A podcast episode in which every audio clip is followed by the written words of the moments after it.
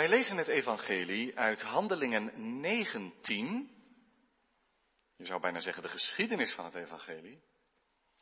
Uit Handelingen 19 en wij lezen van vers 23 tot en met 40. De vorige keer stonden we nog stil bij die zonen van Skeva aan die boekverbranding. Misschien herinnert u zich als u erbij bent geweest. Um, dus het gedeelte hiervoor. Overwinningen van het evangelie zou je kunnen zeggen. En nu hoe het evangelie opschudding brengt in de stad Efeze. En wij lezen dus hoofdstuk 19, vers 23 tot en met 40. En daar lezen wij Gods woord als volgt. Maar in die tijd ontstond er een niet geringe opschudding over de weg van de Heren. Want iemand van wie de naam Demetrius was, een zilversmid, die zilveren tempeltjes van Artemis maakte, verschafte aan zijn vakgenoten een niet gering inkomen. Hij riep hen bijeen met de arbeiders die zulke dingen maakten en zei, Mannen, u weet dat wij aan deze bezigheid onze welvaart ontlenen. En u ziet en hoort dat deze, deze Paulus een grote menigte, niet alleen in Efeze, maar in bijna heel Azië overtuigd en afkerig gemaakt heeft van de goden, door te zeggen dat goden die met handen gemaakt worden geen goden zijn. En we lopen niet alleen het gevaar dat ons beroep een slechte naam krijgt, maar ook dat de tempel van de grote godin Artemis als niets beschouwd zal worden en dat ook de grootheid dreigt te verdwijnen van haar aan wie heel Azië en de wereld eer bewijst. Toen zij dan dit hoorden, werden zij vervuld van woede en schreeuwden, groot is de Artemis van de Efeziërs. En heel de stad raakte in opschudding. Ze stormden eensgezind naar het theater, waarbij ze Gaius en Aristarchus meesleurden, Macedoniërs, reisgenoten van Paulus. En toen Paulus zich onder het volk wilde begeven, lieten de discipelen hem niet toe.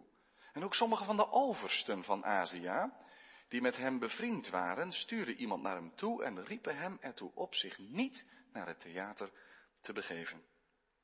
De een uur riep dit, de andere wat anders, want de vergadering was verward en de meesten wisten niet eens waarom zij samengekomen waren. En men liet Alexander uit de menigte naar voren komen, omdat de Joden hem naar voren duwden. En nadat Alexander met zijn hand gewenkt had, wilde hij zich tegenover het volk verdedigen. Maar toen zij begrepen dat hij een Jood was, riepen zij allen als met één stem, ongeveer twee uur lang, groot is de Artemis van de Efeziërs. En de stadssecretaris, nadat hij de menigte gekalmeerd had, zei, mannen van Efeze, welk mens is er die niet weet dat de stad van de Efeziërs de tempelbewaarster is van de grote godin Artemis en van het beeld dat uit de hemel gevallen is? Omdat dit alles niet tegen te spreken valt, is het noodzakelijk dat u kalm blijft en niets ondoordachts doet. Want u hebt deze mannen hier gebracht die geen tempelrovers zijn en uw godin niet gelasterd hebben. Als dus Demetrius en zijn vakgenoten tegen iemand iets hebben, er worden rechtszittingen gehouden. En er zijn stadhouders, laten zij dan een aanklacht tegen elkaar indienen. Maar als u over andere zaken iets verlangt, dan zal daar in een wettige vergadering over beslist worden. Want wij lopen gevaar van oproer beschuldigd te worden, omdat wat er vandaag gebeurd is, om wat er vandaag gebeurd is, omdat er geen enkele reden is aan te voeren waarmee wij rekenschap kunnen afleggen van deze oploop. En nadat hij dit gezegd had, liet hij de vergadering uiteengaan. Tot zover lezen we Gods woord voor deze dienst. Zalig zijn zij die het woord van onze God horen en geloven en daaruit leven. Amen. De tekst voor de prediking is het gedeelte zoals we dat gelezen hebben uit Handelingen 19. Handelingen 19. En we hebben gelezen de versen 21 tot en met 40. Gemeente van onze Heer Jezus Christus. Een grote opschudding. Een grote opschudding. Zo begint dit gedeelte. En het woord opschudding komen we nog een paar keer tegen. Het wordt gebruikt voor het, de geschiedenis die zich hier afspeelt. Zelfs tot en met hoofdstuk 20, vers 1 toe. Die grote opschudding. Het evangelie van Jezus Christus brengt opschudding in de stad Efeze. Kun je vandaag Dan moet je dus, als je dat leest, dan denk je daar toch eens over na dat dat zich hier af zou spelen. Kun je je voorstellen? In Antwerpen, Deurne, of in de plaats waar u woont, als dat buiten Antwerpen is? Dat de groei van de gemeente voor problemen zorgt, economische problemen, omdat mensen tot bekering komen en bepaalde producten niet meer kopen, bepaalde dingen niet meer doen. Dat bijvoorbeeld, je kunt je voorstellen, bepaalde evenementen zeggen, we hebben gewoon omzetverlies. Ja, in deze tijd natuurlijk heel lastig, maar goed, je begrijpt wat ik bedoel. En dat er zoveel weerstand oproept, de verspreiding van het evangelie, dat de mensen echt in, in opstand komen, de straten vullen zich met mensen. Er komt een hele, eh, een hele optocht naar uh, Sterks of Lei, Rivierenhof in, naar het Openluchttheater, waar mensen twee uur lang staan te roepen, groot is Deurne en Antwerpen en onze leefwijze.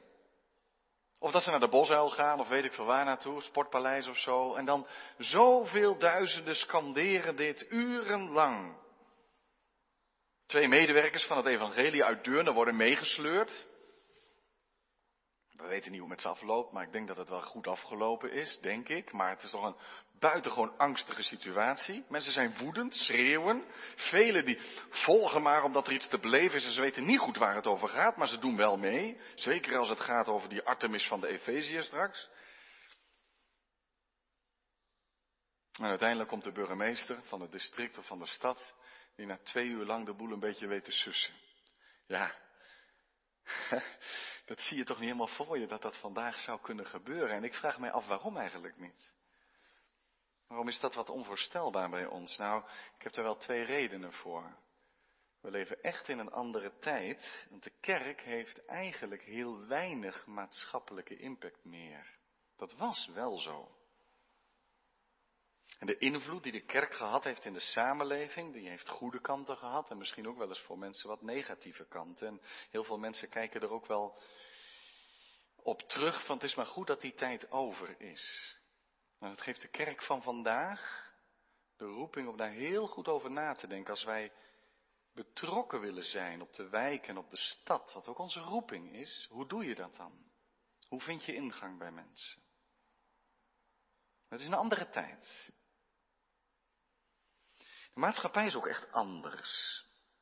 Kijk, toen, Efeze, dat was Artemis, de tempel van Artemis, één godsdienst. En daar, ja, ze voelden zich aangetast in hun godsdienst. Dat is vandaag minder zo. Ieder leeft wat op zijn eigen eiland. En natuurlijk is er wel bepaalde dingen die een cultuur gemeen heeft. Maar ik moest net even zoeken naar woorden toen ik zei, ja, wat, wat scanderen ze dan in het openluchttheater? Wat scanderen ze dan in de bosuil als je hun identiteit aantast? Er moet zoiets zijn als groot is de vrijheid van ik bepaal zelf van de Antwerpenaar. Zoiets. Ik kom daar straks nog wel even op.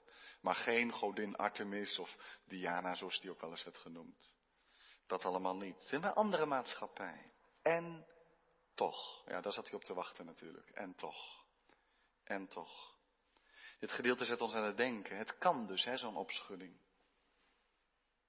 Kan het zijn dat we als christenen met het getuigenis dat Jezus de Heere van ons leven en van de hele wereld is, dat we dusdanig verwaterd zijn, dat zoiets ondenkbaar wordt, namelijk de impact van de, van de gemeente op de samenleving is eigenlijk nihil geworden. Hoe komt dat? Het kan, zo'n opschudding dus. Waar het evangelie van Jezus heerschappij verkondigd en voorgeleefd wordt. En waar mensen zich radicaal bekeren, dan kan er opschudding ontstaan. Maar opschudding is slechts de vorm. Wat zit erachter? Wat is de pit ervan? Opschudding is de buitenkant, maar de pit is weerstand. Weerstand tegen het evangelie. En daar zullen we dan ook bij stil moeten staan vanmorgen.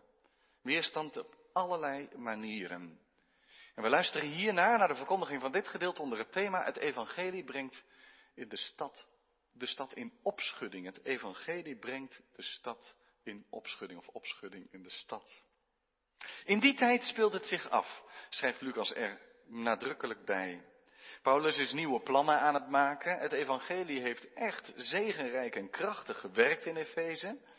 Mensen spreken erover. Er is zelfs een boekverbranding geweest met een geweldig hoog bedrag. Mensen hebben het over de christenen. Het heeft aantrekkingskracht, zonder meer. Demetrius zegt in vers 26, deze Paulus, het klinkt natuurlijk wat minachtend, en toch zegt hij, deze Paulus heeft niet alleen heel veel invloed gekregen in Efeze, maar in bijna heel Azië. En dat was denk ik niet overdreven. Er is in het jaar 115, dat is natuurlijk behoorlijk wat later dan, dan, dan deze gebeurtenis, is er een, daarvan hebben we een brief uit het Romeinse Rijk, die, die verslag legt van dat er opgetreden is tegen christenen. Er is flink tegen christenen opgetreden. En gelukkig vermeldt die brief, zijn er weer wat meer mensen die naar de tempels toe gaan. Kijk, wat zegt dat? Dat blijkbaar waar mensen tot geloof kwamen, christen werden, dat ze ook echt anders in het leven kwamen staan. En dat de mensen in de steden echt merkten van, ja, die komen niet meer in de tempels. En mensen hebben dat met ledenogen aangezien en gedacht, ja, onze cultuur dan, dat is toch wie we zijn. Zo zijn wij Efeziërs, zo zijn we Romeinen, zo zijn we Corinthiërs. Dat is wie we zijn. En dan komen er mensen die, die gaan knagen aan de cultuur omdat ze Jezus beleiden. En dat gebeurde hier in Efeze dus ook. Het had merkbare invloed. Efeze was de stad van Artemis. Later zegt die stadschrijver, die zegt dat er het beeld was de legende van Artemis uit de hemel was komen vallen. Nou, er zal ook echt wel iets gebeurd zijn. Men denkt dat er een meteoriet ingeslagen is in de nabijheid van Efeze. En dat ze dat natuurlijk in die tijd hebben gezien als, een, als iets van God. En misschien dat ze van die meteoriet wel materiaal gebruikt hebben of zelf om daar dat beeld van te maken van die vruchtbaarheidsgodin Artemis. Met de vele borsten, die stond voor, ik geloof in moeder natuur en leven en, en veel seks rondom de tempel ook. En het was nogal wat hoor, want Artemis was bekend. Op 33 plaatsen in het Romeinse Rijk werd de godin Artemis vereerd. En iedereen wist, nou ja, dat weten ze natuurlijk niet letterlijk, maar je zou je kleedje bijna in de richting van Efeze leggen, want daar stond haar beeld dat uit de hemel was gevallen. Dus Efeze, de derde stad in het Romeinse Rijk, die had naam. Daar stond die geweldige tempel van Artemis. Ja, en ergens anders mocht ook wel tempeltjes staan hoor. Ja, ja. Heb je gekeken naar Efeze. Maar Efeze, dat was het. De stad van Artemis. Een tempel met weet ik hoeveel zuilen, 130 bijna, van bijna 20 meter hoog. Een oppervlakte anderhalf de Keulse Dom. Groter dan een voetbalveld. Dus het was niet zomaar even een tempeltje. Fungeerde ook als bank. Mensen brachten daar hun geld naar de kluis, zeg maar. En er was heel veel tempelprostitutie en de hele godsdienst werd door vrouwen geleid. Heel bekend. Stond voor de aanbidding van het leven. Een volstrekt heidense moraal. Nu heeft Paulus waarschijnlijk in zijn prediking heus niet zo vaak gezegd, ja, die, die afbeeldingen, die miniatuurtempeltjes van Artemis moet je niet meer kopen hoor. Hoefde die niet te zeggen. Zijn prediking was, ik roep u op u te bekeren van de afgoden tot de levende God. En in die zin heeft Demetrius de prediking van Paulus goed begrepen. Hij zegt in vers 26, hij heeft de mensen afkerig gemaakt van de goden door te zeggen dat goden die met handen gemaakt worden geen goden zijn. Nou, dat klopt ook wel, dat heeft Paulus gezegd. En hij heeft gezegd, keer je dan tot de levende God. En dat hadden de mensen gedaan. En daarom moesten ze van heel die tempel niet niets meer hebben. Zeiden ze, Artemis kan wel belangrijk voor de Efeziërs zijn, maar niet belangrijk voor ons. Wij hebben een nieuwe identiteit. Onze identiteit is niet Efeze en Artemis, maar Jezus Christus en het Koninkrijk van God. En Demetrius heeft dat jarenlang zien gebeuren, dat de verkoopcijfers achteruit gingen. Want er kwamen meer christenen en die zeiden allemaal, waarom geef je geld uit? Het is allemaal leeg en zinloos. Ga liever de levende God zoeken. Mensen die stopten met kopen. Mensen die christen waren geworden. Maar misschien hun buren ook wel. Die zeiden, ja, ik vond het eigenlijk al zo duur. En onze buren die zijn ook best gelukkig zonder zo'n beeldje. Misschien moeten wij er ook maar eens over nadenken. En Demetrius ziet dat. En die roept een soort vakbondsvergadering samen. Hij, de, de zilveren smid, maar ook de, de productiemedewerkers enzovoort. Hoe staat het daar? Zoiets staat het er, hè? En zijn vakgenoten. En uh, de arbeiders die zulke dingen maakten, vers 25. En hij zegt, mannen, dit kunnen we toch niet laten gebeuren? Die gaat niet goed. Wij danken onze welvaart hier aan. Het is broodroof wat die, wat die nare Paulus allemaal doet. Kan niet langer. Ons beroep staat op het spel. Wij lopen vers 27 niet alleen gevaar dat ons beroep een slechte naam krijgt, maar ook dat de tempel van de grote godin Artemis als niets beschouwd zal worden, omdat ook de grootheid dreigt te verdwijnen van haar en van haar aan wie heel Azië en de wereld eer bewijst. Nou, daar komt dat vandaan, dat op 33 plaatsen in het Romeinse Rijk ook die Artemis van de Efeziërs verhoogd werd. Dus wat, wat is het probleem van Demetrius? Dat zijn portemonnee leeg raakt. Dat is natuurlijk het eerste probleem. Economisch, de verkoop gaat terug. Ja, wie zegt het christelijk geloof is iets geestelijks en dat raakt het materiële niet? Nee, dat is niet waar. Het raakt het materiële zeker. Als je christen wordt, gaat het ook over je geld. Waar geef je het aan uit? En de weerstand tegen het evangelie is niet altijd omdat ze iets van Jezus vinden, maar ook van de leefwijze. En dat ze geraakt worden in de portemonnee. En dat die christenen als economische spelbrekers worden gezien. Maar direct daarmee verbonden, kijk, sommige uitleggers zeggen ja, het is allemaal om het geld te doen en dan haalt hij er heel vroom ook ja, die grote godin Artemis bij. Maar ik denk dat dat echt een, een, een ding is geweest. Dat ze daar echt mee gezeten hebben. Van hoe zit dat dan precies? Je kan toch zo niet uh, dat, dat, dat onze identiteit, die toch met die tempel verbonden is, en we zijn toch Efeze, Artemis en Efeze, als dat ondergraven wordt, wie zijn wij dan nog? Het raakt aan hun bankrekening, maar ook aan hun religie, cultuur, leefwijze. Nu, die woorden van Demetrius zijn als een scheutje olie op reeds een smeulend vuur. Het laait op, woedend zijn ze. Alle irritatie komt in één keer naar boven. En ze schreeuwen samen, ze roepen samen. Groot is Artemis van de Efeziërs. Ze gaan de straat op. Misschien waren ze al op de straat. De mensen die, die kijken, wat is er aan de hand? En ze gaan meeroepen, want ja, dat is hun, diepste identiteit. Ze gaan meeroepen. En op een gegeven moment is, is dat plein zo vol dat het dringen wordt. En zeggen, we gaan naar theater met z'n allen. En heel veel mensen sluiten aan en zeggen, er is wat te beleven. Groot is de Diana, waarom roepen we dat eigenlijk? Nou, niemand die het weet. Want dat moet nog een beetje doorgegeven worden. Maar op een gegeven moment stroomt dat, het is de massahysterie. Het hele theater stroomt voor. ondertussen hebben ze natuurlijk gekeken, kunnen we die Paulus ergens vinden? Dan zullen we hem direct... Uh, dus even aanpakken, maar ze vinden hem niet op dat moment. En maar ze vinden wel Gaius en Aristarchus, medewerkers van Paulus, en dan sleuren ze die maar mee. Angstige ogenblikken. En dan zijn ze daar in dat theater en een gejoel en een geschreeuw. En dan, en is, zijn daar de Joden die duwen Alexander naar voren. Ga, je, ga ons verdedigen. En Alexander roept dan en die wil zich verdedigen. Waarom is die een christen? Nee, waarschijnlijk is het zo dat die Joden, die willen heel duidelijk maken dat zij ook last van Paulus hebben. Het was met een bot, tot een botsing met Paulus gekomen. En heel veel mensen zagen de, de christenen gewoon als een, variatie op het jodendom. Dus de joden denken, ja, een oproer, daar gaat onze, onze voorrechten zijn straks weg. We moeten duidelijk maken dat wij met die Paulus niks te maken hebben. En dan wil hij dat gaan uitleggen en dan horen ze dat hij een jood is en dan weg ermee. Dus laat ook wel de dubbele houding naar de joden toezien in die tijd, in het Romeinse Rijk. En dan schreeuwen ze twee uur lang, kunt je je voorstellen? Mocht je de kerkdienst wel eens een keer te lang vinden, denk dan even aan de twee uur in dat theater. twee uur lang skanderen. Groot is de Artemis van de Efeziërs. In dat, dat magistrale theater met 24.000 zitplaatsen. In een halve ronding met een perfecte akoestiek, zodat als de acteur op het podium daar heel rustig praat, je dat in elke uithoek hoort. Zo'n perfecte akoestiek. En dan moet je eens met 24.000 mensen twee uur lang gaan schreeuwen. Dat doet wat met je. Dan beleef je je geloof hoor. In Artemis van de Efeziërs.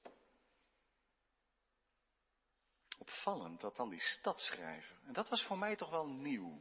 Je zou zeggen, dit is vervolging, hè? Gaius en Aristarchus worden meegesleurd, het gaat helemaal verkeerd aflopen. Wat doet die stadschrijver?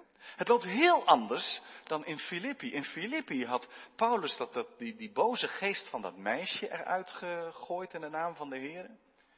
Maar ze waren in de gevangenis terechtgekomen. Het was inderdaad uh, De mensen verloren hun inkomen dat ze aan dat meisje verdienden en ze kregen de stadsleiding zover om Paulus en Silas in de gevangenis te gooien, nadat ze een enorm pak slaag hadden gekregen. Kijk, Paulus ontloopt dat hier. Die, wil zich, die is niet bang. Die zegt, dit is een kans. Ik, ik moet meeleiden met die Gaius en Aristarchus. Ik ga er naartoe en hij wordt tegengehouden. Maar opvallend is dat ze in Filippi dus in de gevangenis terechtkwamen, maar hier niet. Dat die stadschrijver, dat is echt een hele belangrijke politieke functie. Stadssecretaris. Die komt naar voren, die heeft blijkbaar zoveel gezag dat al die 24.000 mensen tot bedaren komen. En die zegt, mensen, pas goed op wat hier gebeurt. Demetrius heeft iets tegen Paulus. Maar dit mag je niet zo oplossen. Wij hebben wetten. Wij hebben wetten. En uh, dan moet die Paulus maar aanklagen. Maar uh, voor zover ik het kan zien is het geen diefstal hè, dat Paulus heeft gedaan. Het is concurrentie. Kijk, als hij nou de godin Artemis gelasterd zou hebben en hij zou uh, daar een uh, bankoverval hebben gedaan, want er ligt daar wat geld in die tempel. Of hij zou uh, Demetrius zijn zaken kort en klein geslagen hebben, een soort beeldenstom avant la lettre, zeg maar. Zo van, wij zijn christenen, dat mag niet, we gaan al die beeldjes in de, in de brand steken. Maar dat heeft Paulus allemaal niet gedaan. Die heeft alleen gezegd, het is niet nodig, die beeldjes, want er is een levende God. Dat is concurrentie. Dus laat hem, je moet het wettelijk oplossen. En als je de regels niet goed vindt, dan is er een volksvergadering om samen de wetten vast te stellen. Maar dat doe je niet in een theater. En dan ze bedaren wat. En dan zegt die stadschrijver ook nog, en ik zou ook nog eens even oppassen.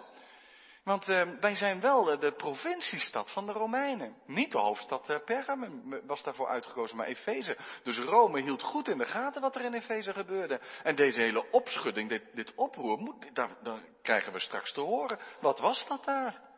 Wat is er eigenlijk gebeurd in de Romeinse stad? En hoe moeten we dit dan uitleggen? Wat zit hierachter? De wet beschermt Paulus. Het is heus niet zo dat het dan vervolgens een rechercheteam op pad gaat, een arrestatieteam, om Paulus van zijn bed te lichten.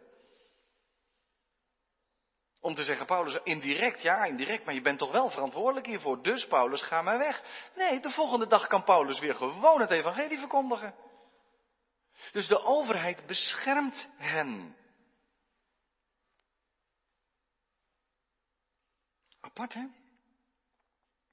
Paulus en de christenen worden beschermd door de overheid, de burgerlijke gemeente. Ze bewegen zich binnen het wettelijk kader. En op dit moment is het ook wel van groot belang dat hoewel ze weten dat ze God meer gehoorzaam zijn dan de keizer, dat ze het evangelie verkondigen in de stad, en niet wat mensen willen horen, maar dat ze zich wel aan de goede wetten hebben gehouden. Als op dit moment duidelijk was dat Paulus al de regels van de overheid aan zijn laars gelapt had, dan had hij waarschijnlijk wel in de gevangenis gekomen. Maar hij staat bekend als een trouwe burger. Die gedaan heeft wat hij moest doen. Maar binnen dat kader wel het evangelie verkondigd heeft. En daar mag hij mee doorgaan. Dus opschudding niet van de kant van de overheid, maar van de kant van het volk. Het zijn de gewone mensen, om maar even zo te zeggen, die zich tegen hem keren. Dus dat heeft me bezig gehouden deze week. Zou het ons ook kunnen overkomen, zoiets wat hier gebeurt? Nou, ik had al gezegd, dat is nu niet zo voorstelbaar. Het zijn ook echt andere tijden. Hè? Waar daar het christelijk geloof nog helemaal in opmars is, lijkt het bij ons wel zo dat het e-, eerder in de krimp zit. Als je de kerk in West-Europa bekijkt. Het is anders. Het is echt anders. En toch, als wij Jezus als Heer beleiden, als dat ons leven is, als we de leegte van de afgoden, de nietigheid van de machten in deze wereld verkondigen, en Jezus als Heer beleiden, dan kan het niet anders of er gaat ook iets vonken. Nee, geen opschudding wellicht. Of je moet als kerk echt in, in de krant iets schrijven over seksualiteit en huwelijk bijvoorbeeld. Of dat er ook gendervragen te stellen zijn bij bepaalde ontwikkelingen. Snapt u? Dan kan het opeens heel hard gaan met die opschudding. Dat is een open zenuw in onze samenleving. Maar dan verder hoe dan? Nou, als je studeert. Nee, we, zitten, we zien geen stadions met mensen vol zitten, hoogleraren en studenten, die roepen, groot, groot is onze wetenschap. Groot is de wetenschap van het Westen. Maar het zit er wel in. Met altijd weer dat terugkomen dat het geloof en wetenschap niet samen kunnen gaan. Het kan niet en zijn. Nee, je bent of geloof je in de wetenschap, of je gelooft in God. En natuurlijk heb je wettelijk, je hebt het wettelijk kader mee van de overheid, mag je alles zeggen over je geloven. Mag je ook de wetenschap zelfs onder kritiek stellen als je zou willen. Of mag je betogen dat geloof en wetenschap uiteindelijk toch prima samen kunnen gaan, wat mij ook zo lijkt. Maar je botst niet op de wettelijke kader van de overheid. Maar je botst wel op veel mensen die zeggen, waar ben jij mee bezig? Je bent niet goed snik. En je krijgt mensen tegen. Er kan opschudding ontstaan in allerlei soorten en maten. Je kunt het merken als je pego geeft. Een wettelijk kader is er. Niemand zal je een strobreed in de weg leggen. Protestants evangelisch godsdienstonderwijs.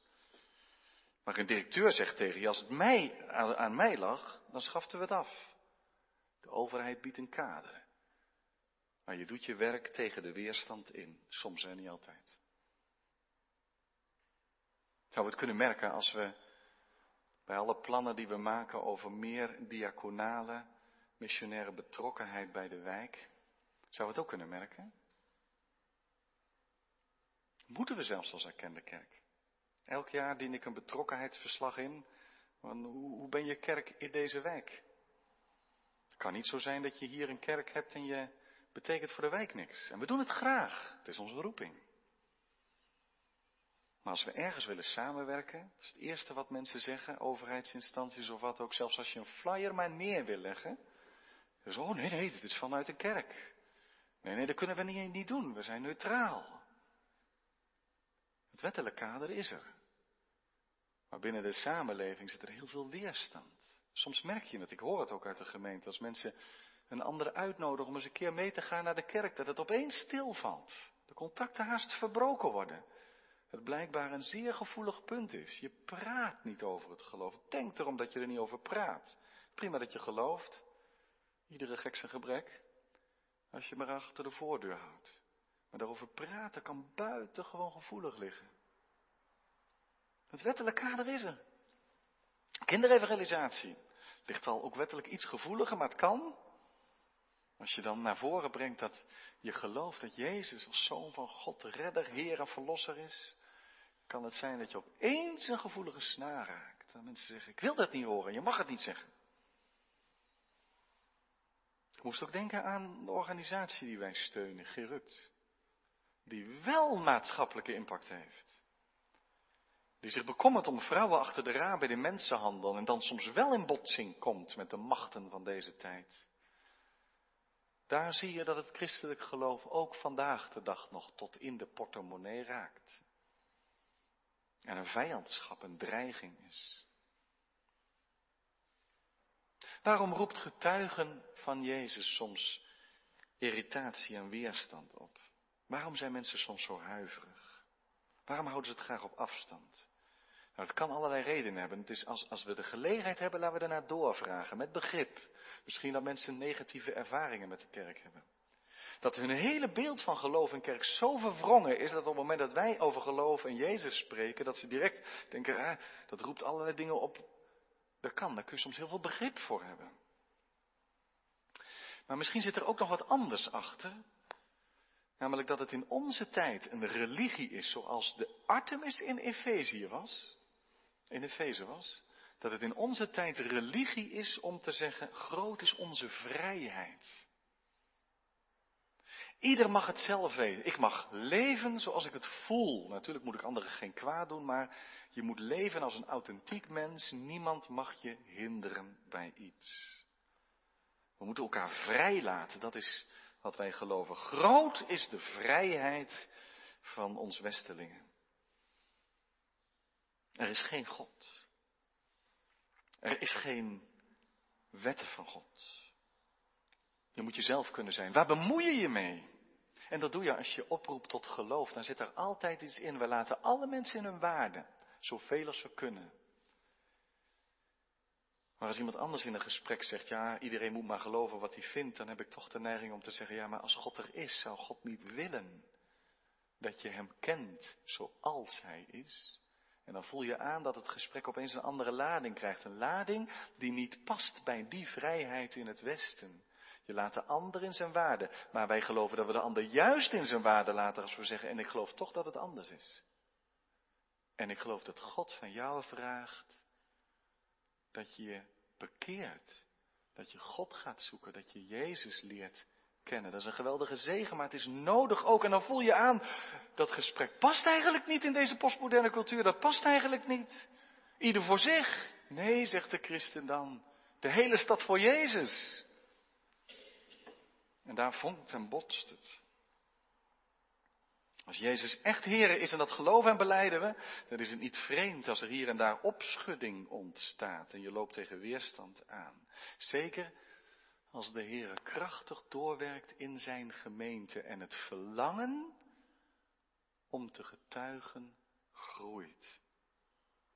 Zie je daarmee naar uit, die de komende tijd, dat de gemeente gevoed wordt tot een sterk verlangen om de heerschappij van Jezus te beleiden in alle facetten van je leven. Een beetje spannend wat ik nu zeg, maar dan kan het zelfs zo zijn dat er weerstand en opschudding binnen de gemeente plaatsvindt. Hebben we daar eens aan gedacht? Opschudding. Omdat de Heer krachtig werkt in de gemeente. Jij misschien wel liever gewoon het een beetje gewoon hield vanzelfsprekend. Ja, als ik maar gewoon af en toe naar de kerk ga. En... Maar stel nou eens voor dat de Heer ons zo zegent, in die, in die beweging ook naar de wijk toe, dat dat iets van ons gaat vragen. Dat het ons wat kost. Dat er soms van buiten opschudding is, maar misschien komt er van binnen de gemeente ook hier en daar wel eens opschudding. En zeggen, moet het nou zo? Maar de geest werkt, er gebeurt wat. En waar staan we dan? Staan we dan aan die kant van dat verlangen dat de Heere werkt en mensen brengt onder zijn heerschappij. Waarom heeft Lucas dit allemaal opgeschreven? Zou het niet ook hierom zijn? Dat hij duidelijk maakt, kijk er maar niet vreemd van op. Het evangelie raakt het mensenleven alle facetten en zo ook ons leven in de samenleving. En de gemeente werd beschermd door de overheid, dat zien we vandaag de dag ook. Maar ze vonden weerstand onder de brede lagen van de bevolking. Ik heb me eh, afgevraagd, en ik denk dat het meevalt hoor, maar als we openluchtdiensten gaan houden, hebben we het wettelijk kader in de rug. Het kan best zijn dat het hier en daar, als mensen er lucht van krijgen, op weerstand staat. Het zal wel geen opschudding teweeg brengen, geen massa skanderen. Belangrijk dus om je positie ook naar de overheid toe goed in te nemen. En tegelijk niet bang te zijn voor een beetje opschudding als het nodig zou zijn. Weerstand hoort erbij. Overal waar de grote en heerlijke naam van Jezus gepredikt wordt. Maar zegt Lucas ons in heel dit gedeelte. Ja, zegt de Heilige Geest ons in heel dit gedeelte, wees niet ontmoedigd. Wees moedig, hou vol, getuig, wijs. In liefde, mild, krachtig vastberaden. Waar staan we? In heel die beweging van ons koninkrijk, ook in Antwerpen-Deurne, waar staan we? Biddend aan de kant van de geest die de gemeente voortstuwt. Of hangen we achteraan met de hak in het zand? Zie je het een beetje voor je? Waar staan we? Laten we bidden. Bidden dat de geest ons verlangend maakt naar de heerschappij van Jezus in ons leven. En in de levens van mensen om ons heen. Als toch eens in Gods toekomst de aarde vol zal zijn van de glorie van de Heer, samenleving. Dan kunnen we niet alleen maar kerk zijn op onszelf en de samenleving laten voor wat het is. Dan maar de opschudding. Onder de zegen van de Heer. Amen.